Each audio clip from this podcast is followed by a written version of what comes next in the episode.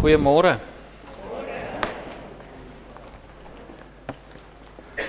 Dit is my voorreg om vanmôre die woord van die Here te bring op hierdie effense vars Februarie oggend. Jean, ek hoor myself baie hard. En ek daar sê, is dit klaar af? Is dit my stem, Jean? Dra hy terug in my ore in. Vanmôre my voorreg om die woord van die Here te bring. Ons is natuurlik besig met die preekreeks Radikaal en in hierdie reeks kyk ons na wat 'n toegewyde uitlewing van Christendom werklik beteken.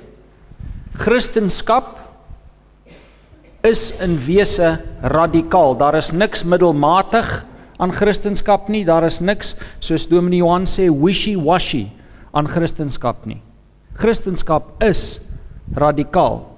Want tot dusver in die reeks het ons gesien dat ons radikaal gered is en ons het gesien ons radikale redding het niks te doen met hoeveel sonde ons gepleeg het voor ons by die Here uitgekom het nie. Ons is radikaal gered omdat die Here ons geneem het vanuit die koninkryk van die duisternis en geplaas het in die koninkryk van die lig.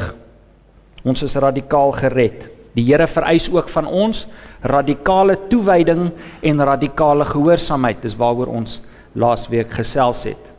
Gehoorsaamheid natuurlik een van die hoekstene van ons geloofslewe. En vanoggend bou ons op hierdie waarhede wanneer ons kyk na wat radikale disippelskap behels.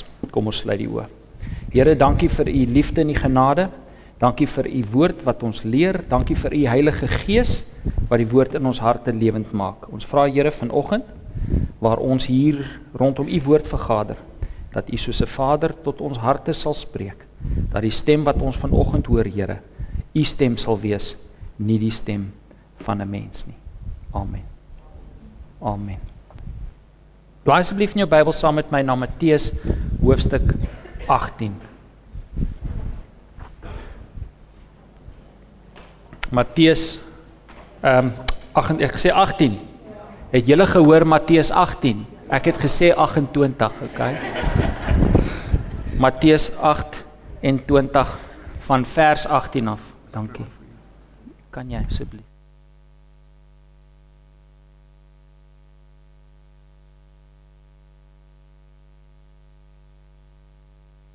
Thanks Rian. Dis net omdat ek heeltemal in swart is vanoggend. Dis bietjie boring. Ek weet, nê? Nee? So ons wil net bietjie aksie hê dat jy wakker bly. Matteus 28 van vers 18 af. Ons ken die gedeelte goed. Jesus kom toe nader en sê vir sy disippels: "Aan my is alle mag gegee in die hemel en op die aarde. Gaan dan na al die nasies toe en maak die mense my disippels. Doop hulle in die naam van die Vader, die Seun en die Heilige Gees en leer hulle om alles te onderhou wat ek julle beveel het. En onthou, ek is by julle al die dae tot die volëinding van die wêreld." Ons ken hierdie gedeelte goed. Baie goed. Hierdie kan tereg beskou word as die kern van ons geloofslewe of selfs 'n opsomming van al die Here se instruksies aan ons. Hierdie is 'n opsomming van alles wat die Here gesê het ons moet doen. As jy hierdie dinge doen wat die Here hiervan praat, dan is jy besig om Christendom reg te doen. Amen. Ons ken hierdie gedeelte en as ons mooi kyk daarna, dan sal ons sien hier's vier duidelike instruksies van die Here af. Vier duidelike instruksies. Drie van hulle ken ons baie goed. Die eerste instruksie gaan na al die nasies toe. Dis natuurlik evangelisasie, né? Nee? Christendom is vir almal. Ons moet die woord uitdra aan alle mense. Instruksie nommer 3: Doop hulle in die naam van die Vader, die Seun en die Heilige Gees. Ons weet wat die doop is. Want die Bybel is ondubbelsinnig oor die betekenis van die doop en hoe dit beoefen moet word. Ek wil vir jou sê, die Bybel is ondubbelsinnig oor die doop.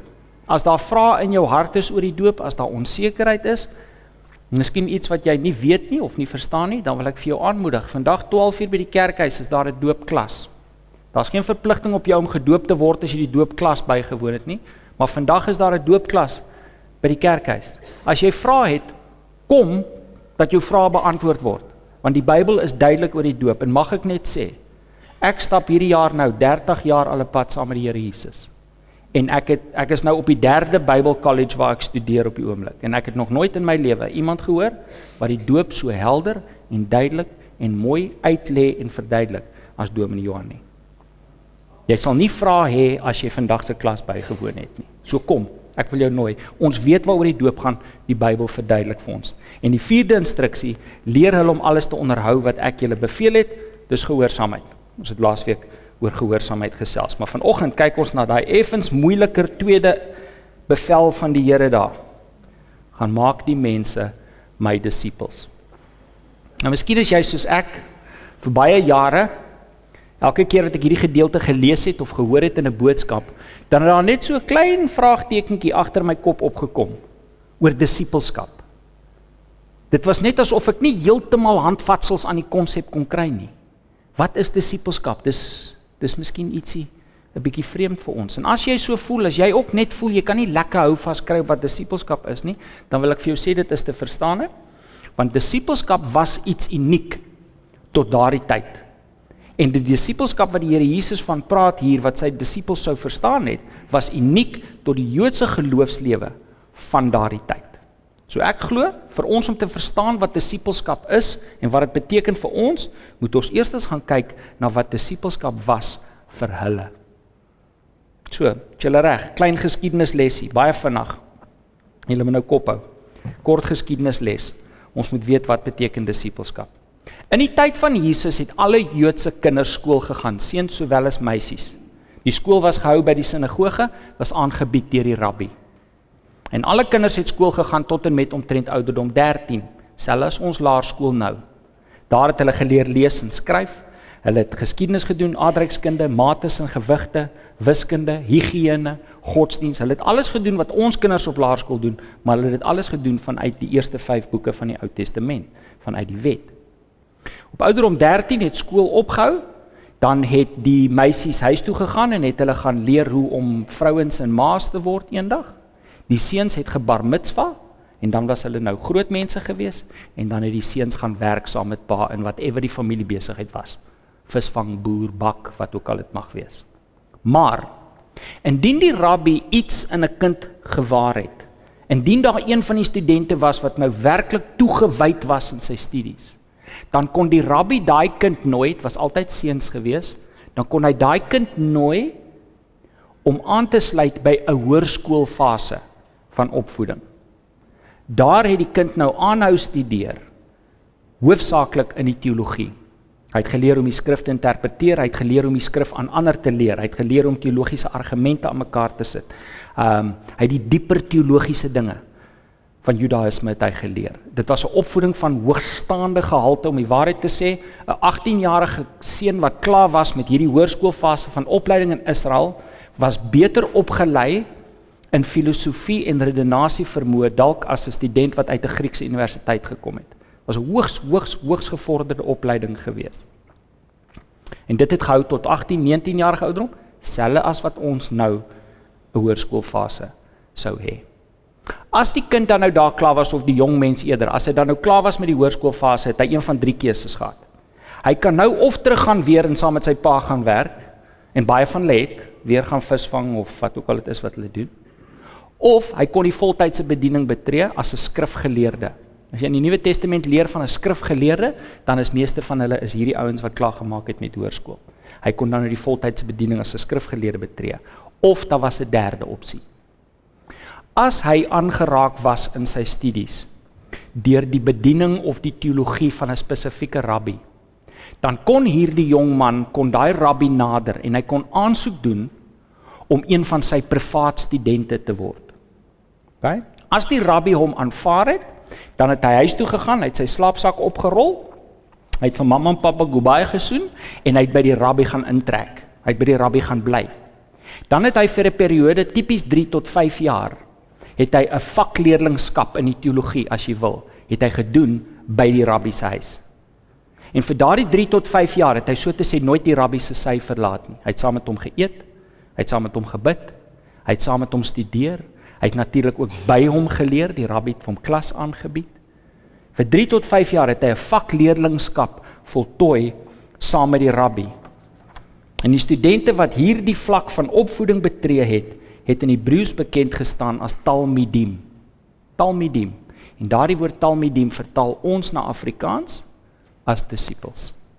Dit is wie die disippels was in Jesus se tyd. Die disippels van Jesus se tyd was die voltydse toegewyde studente van die geestelike leiers van Israel.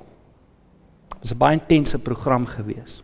Maar alhoewel hulle studente was, was hulle baie meer as net studente. Hoor mooi. Want alhoewel hulle studeer het, was die doel van disippelskap nie net om te leer by die meester nie, maar om te word soos die meester. Op julle raamwerke, die doel van disippelskap was nie net om te leer by die meester nie, maar om te word soos die meester. sien julle die verskil? Die doel van disippelskap was om te word soos die meester. Die hartsbegeerte van 'n toegewyde disipel was nie net om te leer nie. Dit was om te wees. En dit was nie net om te weet nie. Dit was om te word. Die doel van disipelskap in die tyd van die Here Jesus Christus was nie informasie nie, maar transformasie. En as ons kyk na die woord, dan sien ons dit is steeds die doel van disipelskap vandag. Romeine 8 vers 29 sê die volgende: Want God het die wat hy reeds vooruit gekies het, wie's dit? Dis ons, die wat hy reeds vooruit gekies het, het God ook vooruit bestem om gelykvormig aan die beeld van sy seun te word. Broer en suster, die doel van jou lewe is om meer en meer soos Jesus te word. Die Here het jou gekies, vooruit gekies tot 'n radikale redding en vooruit bestem om gelykvormig te wees aan die seun van God. Jy is gebore wedergebore om meer en meer soos die Here Jesus te word. So nou weet ons wat disippelskap was, ons weet wat die doel van disippelskap was en steeds is en ek moet vir julle sê as ek dit nou As ek dit nou weet, as ek nou daarna kyk, dan word daardie klein vraagtekentjie wat ek vroeër van gepraat het agter my kop word nou 'n groot vraagteken. Want alhoewel ek nou weet wat disippelskap was en ek weet wat die doel is, weet ek nou nog minder hoe ek dit gaan regkry. Want ek is 'n man met 'n voltydse werk. Ek het 'n vrou en 3 kinders. Ek het 'n huisverband. Ek het nou weer karskuld ongelukkig.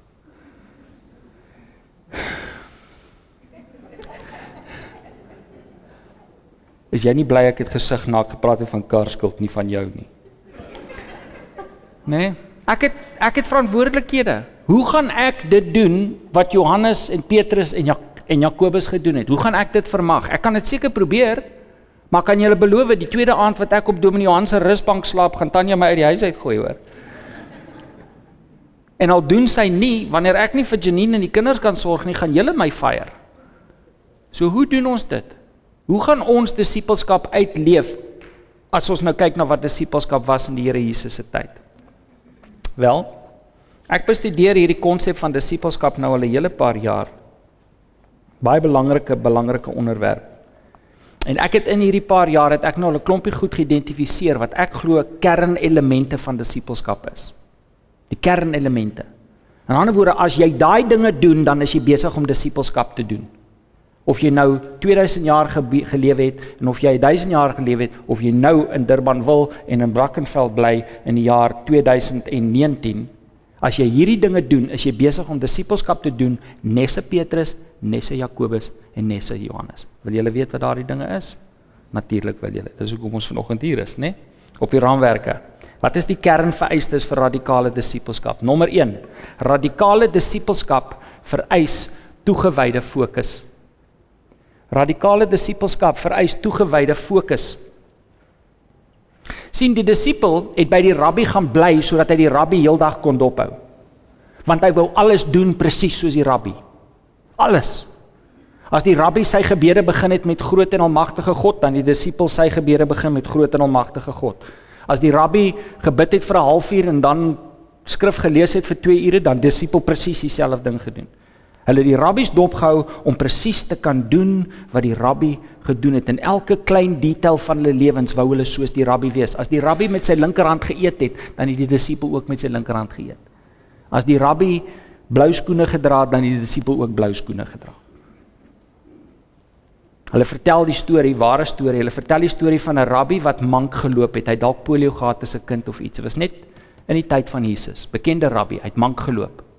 En hulle sê dit was die vreemdste ding om hom te sien op 'n dorp aankom. Want as hy op 'n dorp aankom, dan kom hy nou ingestap so, jy weet met sy wheel alignment effens uit, kom hy ingeloop. En hulle sê agter hom is hierdie 20 disippels van hom almal besig om sy om sy mankheid te probeer naap. Né? Nee? Ware ware storie. Dis 'n ware storie. So toegewyd was die fokus van die disippels op die rabbi dat hulle hom nageaap het in alles in alles. En so moet ons ook wees. Disippelskap vereis van ons ook toegewyde fokus. So mag ek jou vra, waarop fokus ek en jy elke dag heeldag? Waar's ons oë? Wat is dit wat ons voor oë hou? Wat is dit wat ons ons gedagtes mee besig hou? Is ons oë op die Here Jesus Christus? Is ons oë op die wêreld? Want broer en suster, hoor mooi. Dit wat ek en jy op fokus elke dag is besig om ons te verander.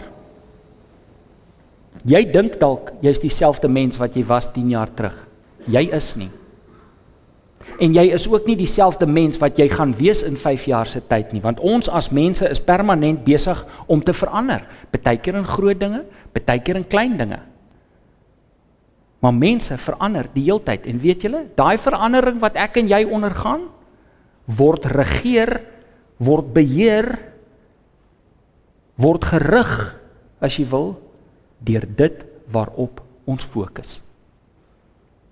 As ek my oë op die wêreld hou en die wêreldse dinge en die wêreldse bekommernisse en die wêreldse probleme en die wêreldse moedeloosheid en die wêreldse politiek en die wêreldse begeertes en die wêreldse plesiere, as dit is waar my oë heeldag is, raai wat?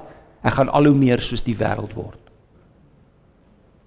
Maar as ek my oë op die Here Jesus Christus hou, dan gaan daai transformasie in my hart plaasvind.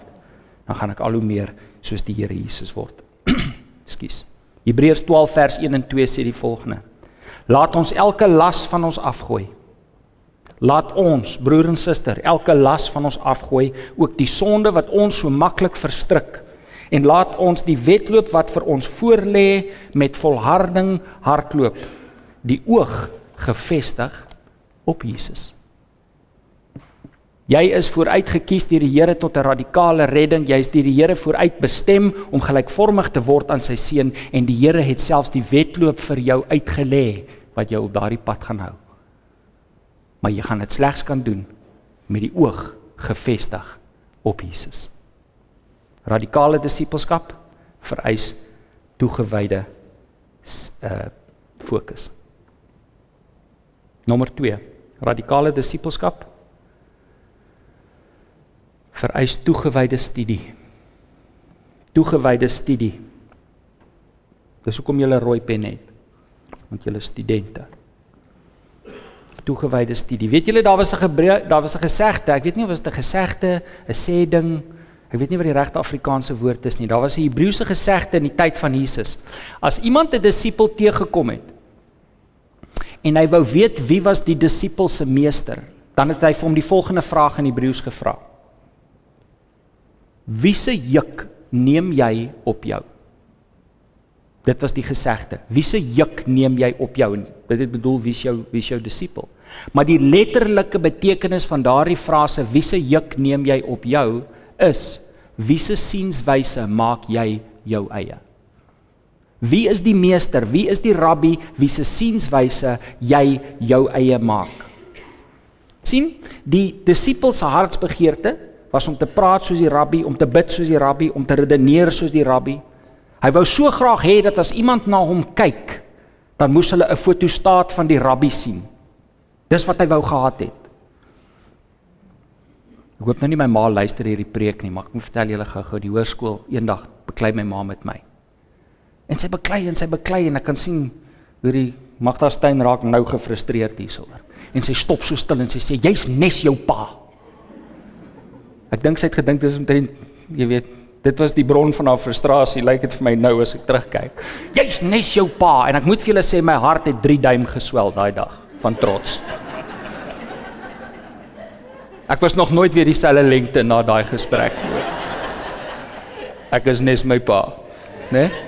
Hoekom? Want as 'n 16 of 17 jarige seun was dit my hartsbegeerte om net soos my pa te wees.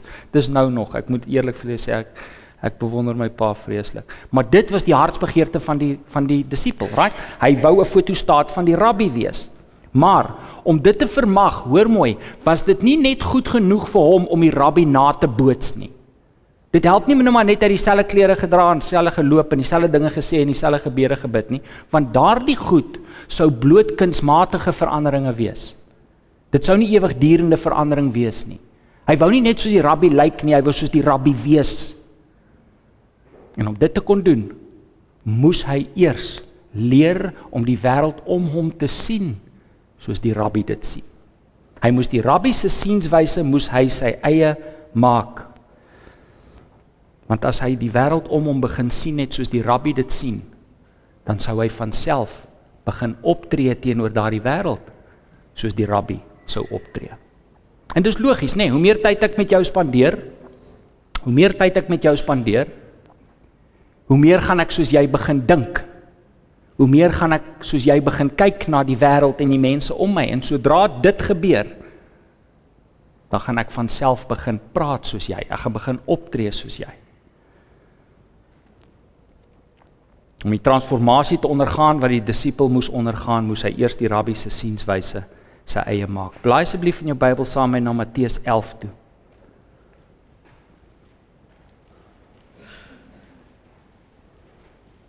Matteus 11 vers 28 Die Here praat met die mense en hy sê kom na my toe almal wat uitgeput en oorlaai is en ek sal vir julle rus gee. Neem my juk op julle en leer van my want ek is sagmoedig en nederig van hart. Hoor julle die disipelskap taal daar? Kom na my toe almal wat uitgeput en oorlaai is en ek sal vir julle rus gee. Neem my juk op julle en leer van my want ek is sagmoedig en nederig. Weet julle wat sê die Here vir die mense daar? Hoor mooi. Weet julle wat sê die Here? Hy sê kom na my toe. Almal wat moeg en siek en sat en moedeloos is omdat jy julle oë op die wêreldse dinge hou kom na my toe almal wat gedreineer is deur die wêreldse bekommernisse en hopeloosheid kom na my toe. Laat my sienswyse julle sienswyse word. Begin die wêreld om julle sien soos ek dit sien en dan sal julle vrede in julle harte ervaar. En as julle dit doen, as julle toelaat dat my sienswyse julle sienswyse word, sal julle meer en meer soos ek word, sagmoedig en nederig van hart. Dis wat die Here daar sê. Hy sê is jy moeg? Is jy moedeloos van die wêreld se hopeloosheid? Van die wêreld se bekommernisse? Kom na my toe. Kom na my toe. Neem my juk op julle. Begin die wêreld soos ek sien. Begin jou geld sake soos ek daarna kyk. Begin jy daarna kyk so. Begin na daai persoon wat jou te nagekom het. Begin na hom kyk soos ek na hom kyk. En dan sal jy vrede in jou hart hê. Hoekom? Want as jy dit doen, gaan jy meer en meer soos ek word. Nederig en sagmoedig van hart. En dit broer en suster kan ons slegs doen deur onsself te verdiep in die woord. As ons die Here Jesus se sienswyse 'n sienswyse ons wil maak, moet ons weet wat die Here sê van 'n saak. Ons moet weet wat die Here dink van 'n saak. Ek wil nie weet wat gaan werk nie. Ek wil weet wat sê die Here. Ek wil nie weet wat dink die politikusse het ons samelewing nodig nie. Ek wil weet wat sê die Here. Want as ek weet wat sê die Here en dit word my opinie oor 'n saak, dan is ek op die pad van vrede in my hart. Dan is ek op die pad van disippelskap. Johannes 8:31 sê die volgende as julle aan my woorde getrou bly is julle waarlik my disippels en julle sal die waarheid ken en die waarheid sal julle vrymaak ek wil vry wees van die wêreldse bekommernisse en probleme ek wil vry wees van die gewoonte sonde. Ek wil vry wees van al hierdie dinge wat my verstrik en terughou van 'n vooruitgang met die Here. Maar om dit te kan doen, moet ek eerstens die waarheid ken. Ek moet die waarheid ken. En wanneer ek daardie waarheid ken, moet ek aan daardie waarheid getrou wees. Dis disippelskap. En om dit te doen, moet ek studeer. Elke man en vrou, broer en suster is noodgedwonge 'n student van die Bybel. Dis waar ons uitvind wat God sê. Wil jy weet wat God sê oor abortus? Dis hierin. Wil jy weet wat God sê oor rasisme? Dis hierin. Wil jy weet wat God sê oor selfde geslagverhoudings? Dis hierin. Oor geld? Dis hierin. Alles hierin. Ek wil weet wat die Here sê en ek wil daardie wat die Here sê wil ek my opinie maak. So ek moet studeer. Ek wil jou aanmoedig. As jy 'n student van die Bybel is, bly 'n student van die Bybel asseblief. As jy nie 'n student van die Bybel is nie, word een. Nommer 1, begin die Bybel lees. Begin die Bybel lees. Nommer 2, koop vir jou boeke wat die Bybel vir jou verduidelik. Jy kry wonderlike kommentare. Vat 'n boek, Galasiërs, hoef nie 'n groot boek te wees nie, gaan kry 'n kommentaar en werk die boek deur. Skryf jou in vir elke kursus wat hier by TGK aangebied word, asseblief. Dis goeie materiaal, dis daar om jou te stig, dis daar om jou te bemoedig en uit te daag. Skryf jou in by 'n Bybelskool. Hoorie, daar's wonderlike Bybelkolleges wat fantastiese kursusse aanbied, korrespondensie kursusse. Begin studeer. Daar is geen ek sê nou die dag vir Janine, ek sê weet jy, daar is geen bron van inligting wat ek toegang tot het wat jy nie het nie. Niks. Jy kan weet wat ek weet. Ek kan weet wat Dominee Johan weet. Hoekom? Want die die inligting's daar, ons moet net studeer. Ons is studente van die Bybel. Ons moet ons meester se sienswyse ons eie maak. Ons kan dit slegs doen as ons ons verdiep in die woord. En derdens, radikale disippelskap vereis toegewyde diensbaarheid. Toegewyde diensbaarheid. Mooi Afrikaanse woord vir rol jou moue op nê? Nee? Want toegewyde rol jou moue op sal twee reeltjies die raamwerk opvat en dit het ons nou nie spasie vir. 12 apostels, Handelinge 6 sê die volgende. Handelinge 6 vers 2 sê die 12 apostels roep toe al die gelowiges bymekaar en sê vir hulle dit is nie reg dat ons die verkondiging van die woord verwaarloos om die versorging te kan behartig nie. Hoor weer. Die 12 apostels roep toe al die gelowiges bymekaar en sê vir hulle dit is nie reg dat ons die verkondiging van die woord van God verwaarloos om die versorging te kan behartig nie. Die Grieks vir versorging daar is die bediening van tafels. Die disippels wat die vroeë kerk bestuur het, het 'n klomp take gehad, selfs ons. Hulle het gepreek, hulle het Bybelstudie gelei, hulle het gebid en dan het hulle ook die fisiese werk van die koninkryk gehad. Hulle het die armes gevoer, hulle het die weduwees versorg, hulle het die koffietafel beman, hulle het die stoele reggepak, hulle het die sonnaarskoolklas gegee. Hulle het al die goed gedoen wat ons doen in die koninkryk het hulle ook gedoen. Hulle moes dit ook doen. En die Bybel sê hier in Handelinge dat hulle op 'n kol gekom het en vir die kerk bymekaar geroep het gesê het: "Hoorie, ons is so besig met die stoele skuif en die sonnaarskool gee dat ons nie genoeg tyd aan die woord en gebed kan spandeer nie." Hulle was werkers. Nou, Ons wil nie hê enige iemand moet so besig wees dat hulle nie by die woord van God kan uitkom nie. Dis nie die punt wat ek maak nie. Die punt wat ek hier maak, ek wil net hê julle moet sien, die disippels was nie toeskouers nie. Die disippels was werkers. Hulle deel geneem aan die werk van die koninkryk. Weet julle, ek het in Europa, ek, ek elke keer dat ek gaan dan gaan besoek ek katolieke kathedrale. Dit is vir my pragtig. Dit is vir my die mooiste argitektuur in dit. Maar nou kyk ek na die disippels in daai loodglasvenster. Hulle is altyd sulke lang haar ouens. Hulle het sulke pastelkleurige klere en hulle hulle het sulke goue skuwe om hulle koppe en hulle staan so. Jy weet, hulle het so 'n pose wat hulle doen altyd in die vensters. En as jy nou mooi na daai disipel daar in die loodglasvenster kyk, kan jy sien dat al wat daai ou doen is rondloop en seëninge uitdeel, né? Nee? Hy sweef so 2 duim bo die grond et Domine Patre et Filii et Spiritus Sancti. En dit het ons idee geword van disippels. Ek wil vir julle sê die disippels was ouens gewees nê nee, met sweetmerke op hulle T-shirts van al die werk, soveel sodat hulle op 'n kol vir die gemeente moes sê nee hoor die boeis, julle gaan moet help. Ons kan nie alles doen nie. Kom wees 'n werker. Kom wees 'n disipel. Meld aan, daar's koffietafel, daar's groetspan, daar's sonnaarskool gee, daar's Diensspan, ek weet nie wat is daar. Daar's ek beloof ons sal vir jou werk kry. Ek beloof jou ons sal vir jou werk kry as jy kom. Maar kom ons wees diensbaar. Disippels is werkers. En ek wil vir julle ook sê, ek sê vir die Here dankie. Ek sê vir die Here werklik dankie vir die voorbeeld wat ons in hierdie gemeente het van werkende disippels. Weet julle in die vroeë dae toe ek by die kerk aangesluit het, toe ek die eerste keer die diensspan oorneem, moes ek met Dominee Johan beklei dat hy die speaker moet neersit en met die mense gaan kuier. Want sê ja, gaan nou, ek gaan net gou hierdie een dra. Ek kom nou. Né? Nee? Dis 'n man wat werk. Dominee Chris was vanoggend 6:00, dis 'n man wat werk. Ons kan vir die Here dankie sê vir die voorbeeld van disippelskap wat ons kry by ons leraars. Broer en suster, elkeen van ons is geroep. Elkeen van ons is geroep. Jy's dalk nie geroep om 'n sendeling te word in 'n ver vreemde land oor see nie. Jy is dalk nie geroep om op 'n kansel te staan nie of op 'n kerkraad te dien nie. Maar jy is geroep om 'n disipel van die Here Jesus Christus te wees. Jy is geroep om al hoe meer en meer in jou lewe soos die Here Jesus te word. Nou ek en jy gaan dit slegs vermag as ons ons oë op die Here gefokus hou. Ons oë van die wêreld afhaal.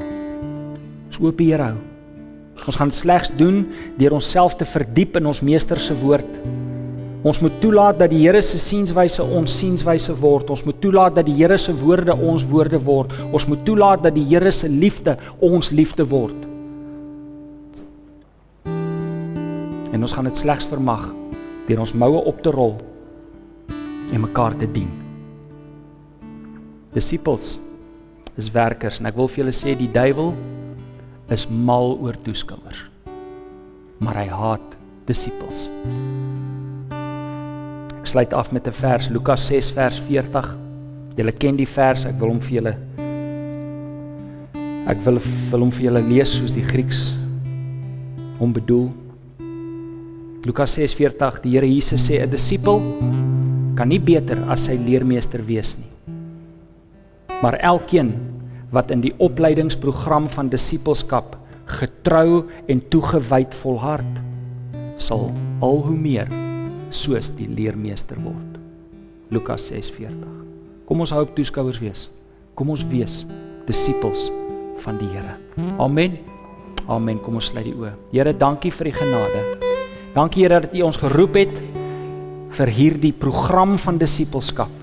Dankie dat U deur die Gees vir ons die vermoë gee om as ware agter U tree vir tree aan te stap, Here. Ons wil wees meer en meer soos U. Ons wil sien soos U. Ons wil praat soos U. Ons wil lief hê soos U. Ons wil vergewe soos U.